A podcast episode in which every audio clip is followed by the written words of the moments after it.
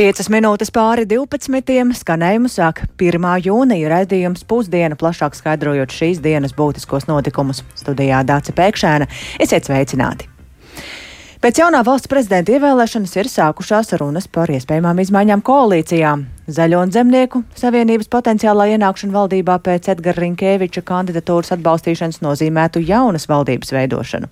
Pret iespējamu darbošanos paplašinātā koalīcijā ir pašlaik valdībā esošās apvienotais saraksts un Nacionālā apvienība. Un šobrīd līdz ar to bumba ir jaunās vienotības pusē, mēģinot um, tad arī izskaidrot paredzamās pārmaiņas. Šobrīd studijā ir um, kolēģis Jānis Kīncis. Sveiks, Jāni! Par valsts prezidentu mums ir skaidrība, vai mums ir skaidrība par to, kā izskatīsies un vai mainīsies koalīcija. Sveiki, Dārts! Sveicināt klausītāji! Skaidrības šobrīd nav nekādas, un saruna process tikai uh, tā kā saka, oficiāli tikai sāksies, bet uh, tā, tā situācija ir tāda, jā, ka pēc valsts prezidenta Edgara Rinkēviča ievēlēšanas ar jaunās vienotības un Zaļo un Zemnieku savienības un progresīvo balsīm nozīmē to, ka e, Steigšus jau piekdien sekos premjera Krišāņa Kariņa iniciēta saruna ar esošajiem koalīcijas partneriem apvienoto sarakstu un Nacionālo apvienību par nepieciešamību pārskatīt e, valdības darbu un arī dzen iespējamiem koalīcijas, paplašin, iespējam koalīcijas paplašināšanu. Krišņāns Kariņš jau iepriekš to ir teicis, turklāt arī reizē, kad tika pieteikta Edgara Rinkēviča kandidatūra uz valsts prezidenta amatu, un vakar premjeras to, šo argumentāciju atkārtoja, ka šis ir nepieciešams solis valdības snieguma uzlabošanai vai premjera vārdiem runājot lielākai dinamikai. Varam īsi vēlreiz paklausīties viņa teikto.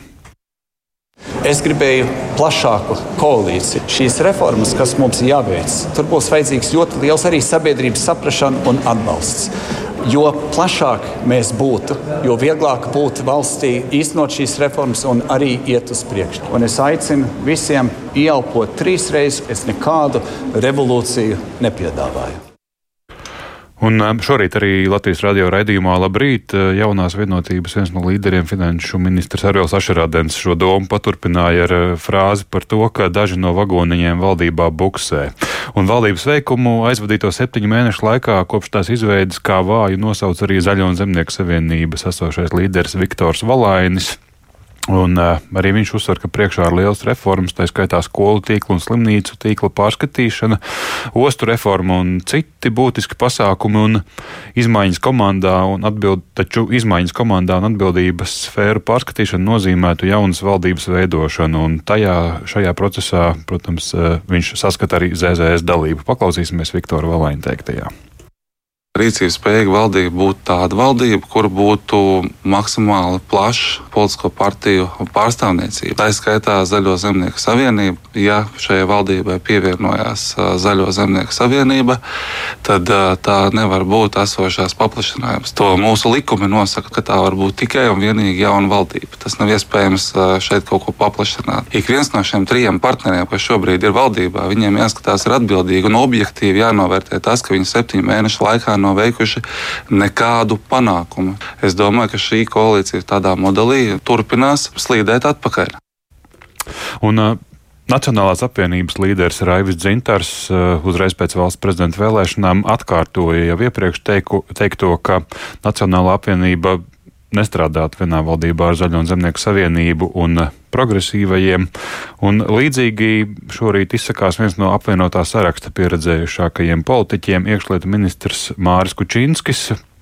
Citu politisko spēku nākšana valdībā nozīmētu pilnīgi citas valdības veidošanu, taču apvienotais saraksts būtu gatavs turpināt darbu esošajā valdības sastāvā, taču par to, kādas ir šīs valdības problēmas, arī viņš gaida rītdienas sarunas. Kaut kādu koalīcijas paplašināšanu mēs arī neredzam tādas tā kā iespējas. Ja ir bijusi kāda vienošanās, par ko mēs nezinām, tad nāksies šiem vienošanās autoriem strādāt saimā ar 52 balsīm, kas, protams, būs grūti, bet arī tā būs jauna valdība. Es domāju, ļoti svarīgas ir uh, sarunas šobrīd koalīcijai zem nosaukuma, kā dzīvosim tālāk. Tas arī būs izšķirošais. Vēl septiņus mēnešus atpakaļ sarunas ar Lembergu nebija iespējams. Tagad mēs redzam, ka tās ir iespējamas. Nu, pie tāda, tādas koncepta maiņas, protams, ir visiem jāpierod vispirms. Mēs katrā ziņā varam skaidri paust premjeram, ka mēs viņu atbalstām un esam gatavi turpināt darbu.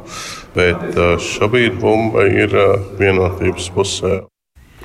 Nu jā, tā, piebilstot vēl pie tā, ka nu, valdības maiņa un uh, visi šie pasākumi tas jau nav nekas tāds abstrakts. Un iespējamā valdības maiņa nozīmētu arī to, ka Vispirms par tagadējās valdības eh, darba turpmāku nespēju būtu jāpaziņo premjeram Krišānam Kariņam, un tad nu, pēc tam sāktos ļoti plašs process, kas nozīmētu visu atbildības jomu un tagadējā amatu sadalījumu pārskatīšanu gan, gan valdībā, gan arī saimā. Tā skaitā tas attiektos uz saimas priekšsēdētāju amatu un pārējo prezidija tātad, sadalījumu. Un tas attiektos arī uz saimnes komisijām. Nu, tas vēl ir tālu priekšā, ja mēs par šo procesu runājam. Taču to, kā šis pārmaiņu process varētu sākties un virzīties, tad esošās koalīcijas pārstāvji tiksies rīt. Un tam sekosim noteikti līdzi. Jā, tā tad oficiālās sarunas sākas rīt, un tad arī redzēsim, vai ir gaidāmas kādas izmaiņas, vai vismaz. Paldies! Jānim Kīncim, un mēs savukārt turpinām ar jaunievēloto prezidentu Edgaru Rinkēviču, kurš nāk no jūrmalas, un tur viņš ir dzimis, pavadījis lielāko daļu bērnības un gājis arī tur skolā. Arī šobrīd Rinkēvičs joprojām dzīvo jūrmalā, un tāpēc Jautājums, ko par jauno valsts prezidentu domā paši jūrmalnieki, un, lai to noskaidrotu, kolēģi Agnija Lazdeņa devās turp, aprunājoties ne tikai ar pilsētas iedzīvotājiem, bet arī pabija skolā, kurā jaunievēlētais prezidents mācījās, un kā viņai tur gāja, paklausīsimies Agnijas Lazdeņas ierakstā. Lai gan vairums jūrmalnieku atzīst, ka iepriekš nav zinājuši, ka jaunievēlētais Latvijas prezidents Edgars Rinkēvičs arī nāk no jūrmalas, tomēr uzzinātais fakts viņus priecē. Tiesa kā prezidentu jūrmalas iedzīvotāji Rinkēviču pagaidām vērtē izvērīgi, uzsverot, ka to varēs darīt vien vēlāk, spriežot pēc paveiktajiem darbiem. Man liekas, Rinkevičs ir ok. Nezinu pārāk daudz par viņu, nekas negatīvs. Es domāju, ka pozitīvi. Es saprotu, ka tur ir dažādi viedokļi par viņu personīgo dzīvi, tā, bet es domāju, ka ir labi, viss būs kārtībā un, un, un mums ir jāturpina attīstība un virzība. Grūti teikt. Man laikam domas daļēji šajā ziņā, bet nu, kā ir tā, ir dzīvosim, redzēsim. Bet ceram uz to labāko. Nu, man labāk patīk Levits, bet no šiem variantiem varbūt jācer, ka būs labs. Vismaz starptautiskā arēnā viņš ir zināms, viss ir nebūs būs jāmācās ilgi un dikt, kamēr ieies šajā amatā, viņš orientējās visur labi.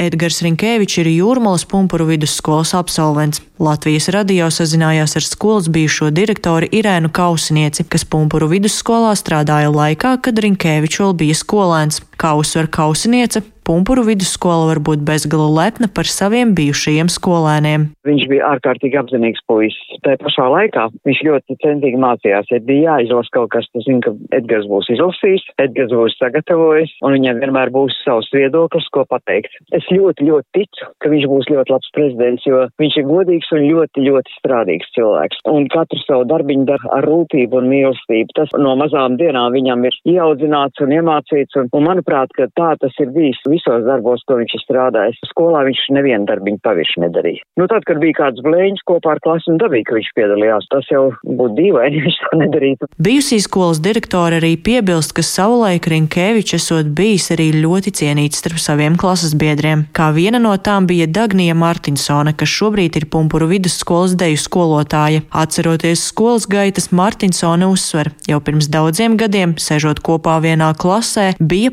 pārliecība, ka reiz Rinkēvičs varētu būt diplomāts, mediķis vai pat zinātnieks. Tas tikai parāda to, ka mēs esam progresīva valsts un ka mēs vērtējam cilvēku pēc viņa kvalitātēm. Esot kā klases biedrenis, arī var teikt, ka Edgars ir ļoti simpātisks cilvēks, un es domāju, ka viņš ir arī ļoti stiprs cilvēks tieši īstajā vietā. Vienīgi ļoti žēl no vienas puses, ka mēs zaudējam šādu ārlietu ministru, bet no otras puses es domāju, ka viņš ir ļoti respektēts un ārpolitikā tas ir ļoti svarīgi, ka Latviju reprezentēs tik pieredzējis ārlietās cilvēks. Tā kā es ļoti lepojos ar mūsu jauno prezidentu. Edgars Rinkēvičs gan nav vienīgais prezidents, kas absolvējis Jūrmalas pumpuru vidusskolu. 1958. gadā to pabeidz arī kādreizējais Latvijas prezidents Guntis Ulmanis. Agnija Lazdiņa, Latvijas radio.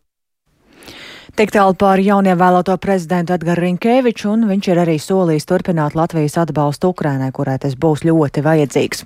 Saima savukārt šodien lēmus aicināt NATO pieņemt lēmumu par Ukrainas uzaicināšanu dalībai aliansē. Latvija aicina formulēt konkrētus uzdevumus, ko nepieciešams veikt ātrai Ukrainas integrācijai NATO.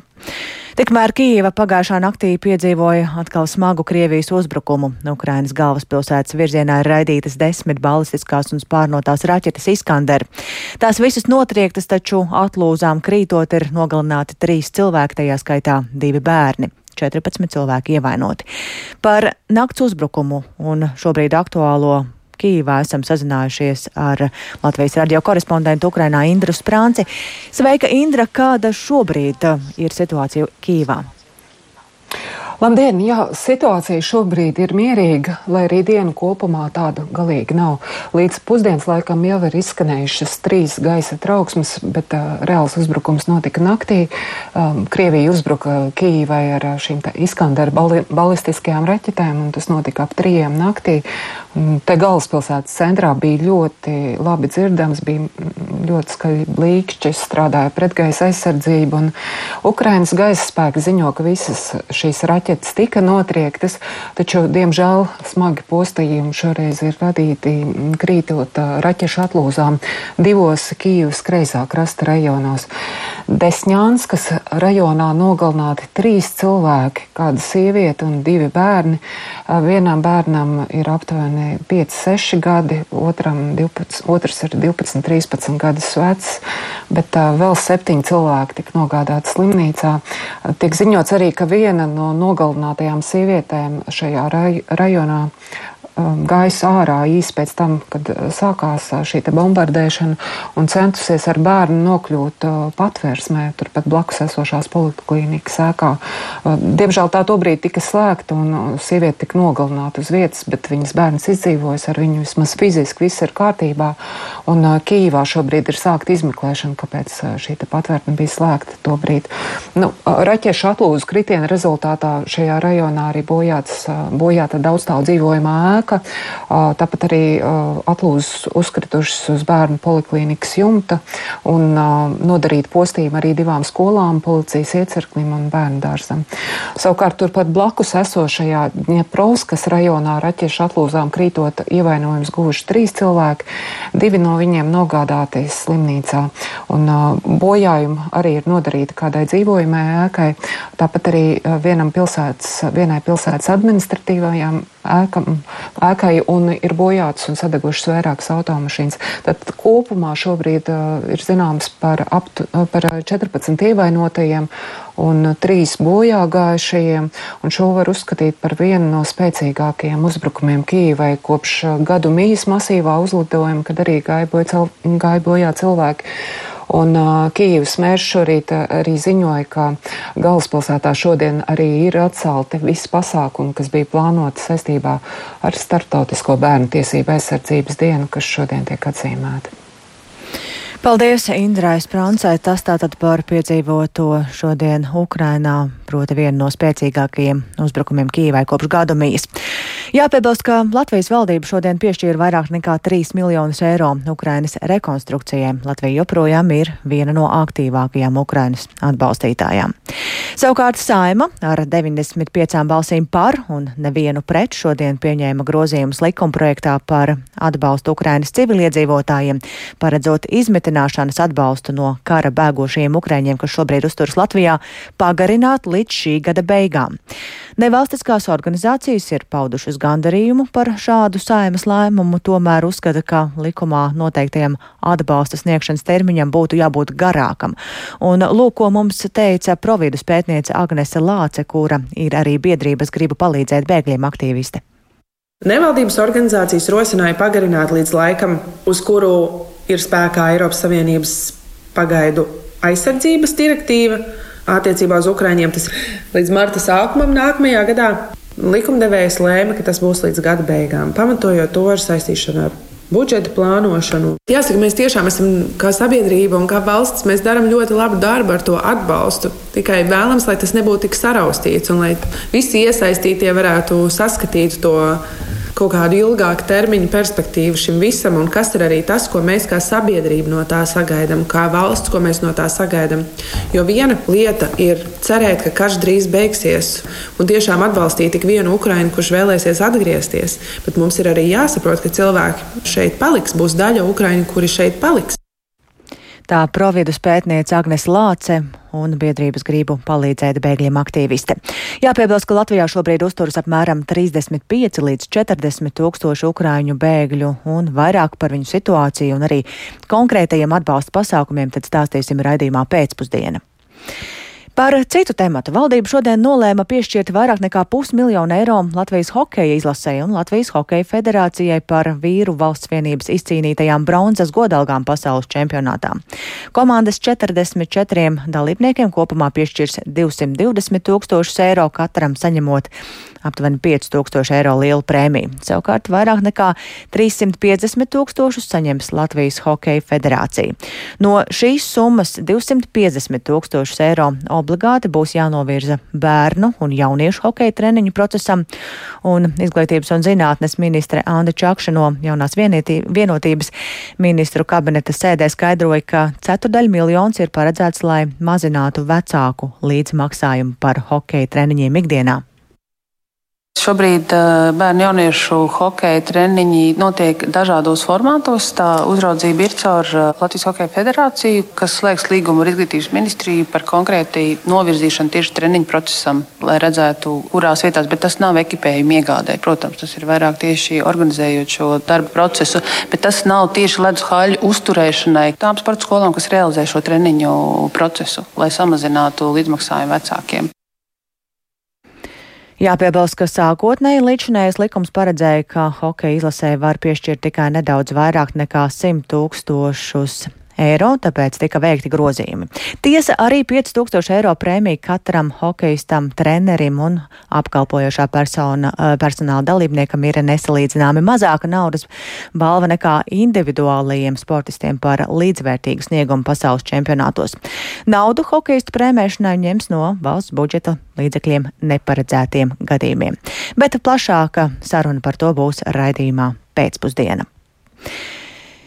Pirms pāris stundām Priekulē ir atklāts katastrofu pārvaldīšanas centrs, kurā turpmāk strādās valsts ugunsdzēsības un glābšanas dienesta un valsts policijas darbinieki. Vēl vienu tādu atklās šo pēcpusdienu Iecavā. Un tāpēc šajā brīdī esam sazinājušies ar valsts ugunsdzēsības un glābšanas dienesta priekšnieku Mārtiņu Baltmani. Labdien! Labdien! Vai jūs? Labdien! Jā, vai ko nozīmē šī centra atklāšana jums pašiem un ko nozīmē tas reģionu iedzīvotājiem? Vai viņi varēs justies drošāk un spēsiet uz izsaukumiem reaģēt ātrāk?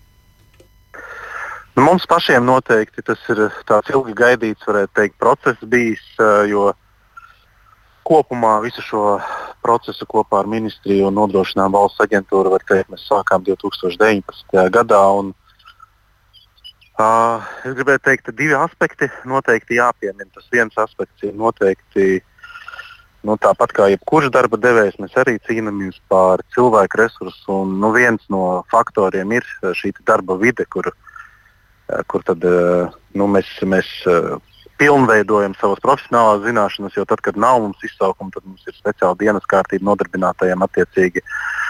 Lai šajās, šajās telpās, piemērotajās, mēs varētu normāli nu, saka, nodrošināt šo gan profesionālo pilnveidi, gan arī, gan arī teiktu, tehnikas un aprīkojuma uzturēšanu un uzglabāšanu vispār kā tādu. Jo, tur, tur viss ir pielāgots attiecīgi mūsdienu standartiem. Un iedzīvotājiem noteikti varbūt tās ir tikai pāris sekundes vai varbūt pāris desmit sekundes, kas uh, mums varbūt pat palīdzētu ātrāk rēģēt, bet noteikti no nu, mūsu jomā tās pāris desmit sekundes arī var būt izšķirošas uh, tajā brīdī, kad mums ir jāierodas teiksim, notikuma vietā. Jūs jau pieminējāt tos neatbilstošos apstākļus, un arī mēs par to esam Latvijas radio gana daudz stāstījuši pirms kāda laika par Iecavas depo, kur arī šodien atklāja jaunu centru, tur krīt apmetums, nepiemērot apstākļi līdz šim tā bija. Atgādiniet, kāda bija tā situācija, piemēram, Priekulē, kur jau šobrīd ir atklāts jaunais centrs. Uh, nu, situācija jau bija gana līdzīga. Īstenībā mēs gan tur īsti tehniku jaunāko nevarējām izvietot, jo nu, tā, tā vecākā tehnika, kas mums ir bijusi, un tā infrastruktūra neļāva mums nu, principā, neiedzīt jaunāku tehniku, kur mums daudz vairāk, uz kuras mums daudz vairāk aprīkojumi ir. Arī neļāva īstenībā mums uzglabāt uh, tur, piemēram, citu citas transporta vienības, tādas kā piekabes, piemēram, laivas, vajadzēja atsevišķas kaut kādas nojumes, novietnes, novietnes veidot, nu, un, protams, arī visu tā sadzīves, nu, es teikšu, arī aprīkojuma apkopes vietas, viņas nu, nebija piemērotas īstenībā. Kā tagad mēs esam, nu, teiksim, ar šo plānojumu savā ziņā nodrošinam to, ka tā, ir kaut kādas tīrās zonas, kur mēs ienākam struktūrvienībā, pārģērbamies, sagatavojamies dežūrmaiņai, un, un pēc tam ir tādas teikt, netīrās zonas, kur mēs pēc notikuma atgriežamies. Mums atkal nav jāiet cauri tīrajām zonām, bet tur ir viss pielāgots. Attiecīgi mēs varam tur atkal sagatavot visu tehniku, aprīkojumu, paši sagatavoties nākošajiem izsaukumiem. Respektīvi, tur viss ir plānots tā, lai būtu pēc iespējas ātrāk un vienkāršāk nodrošināt gan mūsu ikdienas eh, gaidīšanas režīmu, gan arī došanos eh, nu, teiksim, uz notikumiem. Jā, tātad mēs šodien runājam par diviem centriem. Cik vēl tādu ir plānots un kad un kur? Uh -huh. uh, kopumā šogad uh, ir plānoti astoņi.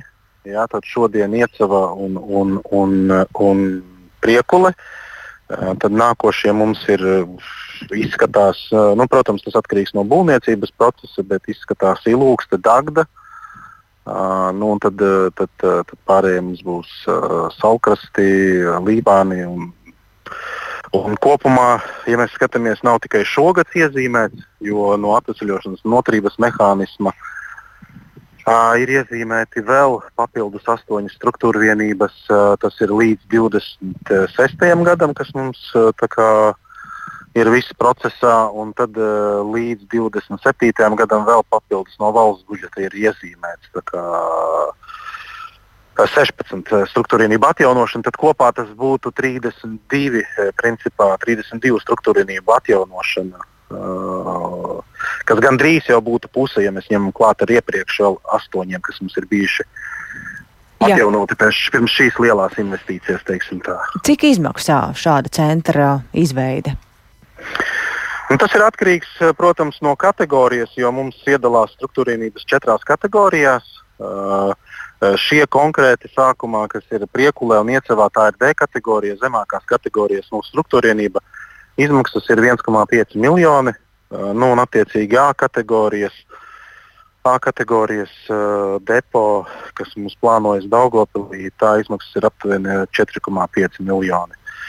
Bet, eh, protams, ka viņi ir tipveida projekti, bet tā kā tie ir katastrofu pārvaldīšanas centri, tad arī atkarīgs ir izmaksas, eh, kādas institūcijas ar mums kopā šajos katastrofu pārvaldīšanās centros atrodas. Jo tur no atkarībā no tās vietas un, un attiecīgās institūcijas specifikas Jo tur var būt arī policija ar jums kopā. Jā, jā, jā. Nu, priekulē, piemēram, mums ir tikai policija, bet būs struktūrvienības, kur mums kopā būs NMPD, policija, robežsardze, nodrošinājuma valsts aģentūra, pilsonības migrācijas lietu pārvalde, iekšlietu ministrijas informācijas centrs. Tur, teiksim tā, katrā, katrā tā vieta atšķirīga ir. Un tad, attiecīgi, nu, tā, tās, tās papildus telpas vienkārši tiek pielāgotas. Nu, un, attiecīgi, protams, ka tas arī ietekmē to kopējo, kopējo summu. Nu, cerams, arī mm, ka viss izdosies arī tie, tie 3-2 struktūrības izbūvēt. Es no tāda griezuma skatos, ka būvniecības mm -hmm. izmaksas nesadārdzinās, jo pirms tam jau izmaksas bija mazākas. Īstenībā bija ap miljonu šai D kategorijai, tas sadārdzinājums tomēr bija lielāks. Jā, paldies par sarunu valsts ugunsdzēsības un glābšanas dienesta priekšniekam Mārtiņam Baltmanim. Cerams, ka arī šajos depo būs, kas strādā, jo Viņš pieminēja arī to darbinieku trūkumu šajā dienestā, bet um, ar to savukārt izskan raidījums pusdiena. Tā producente Ilza Agīnta ierakstus montēja Ulds Grīnbergs par labskaņu rūpējās sievietes zvejniece un ar jums sarunājās Dāca Pēkšēna.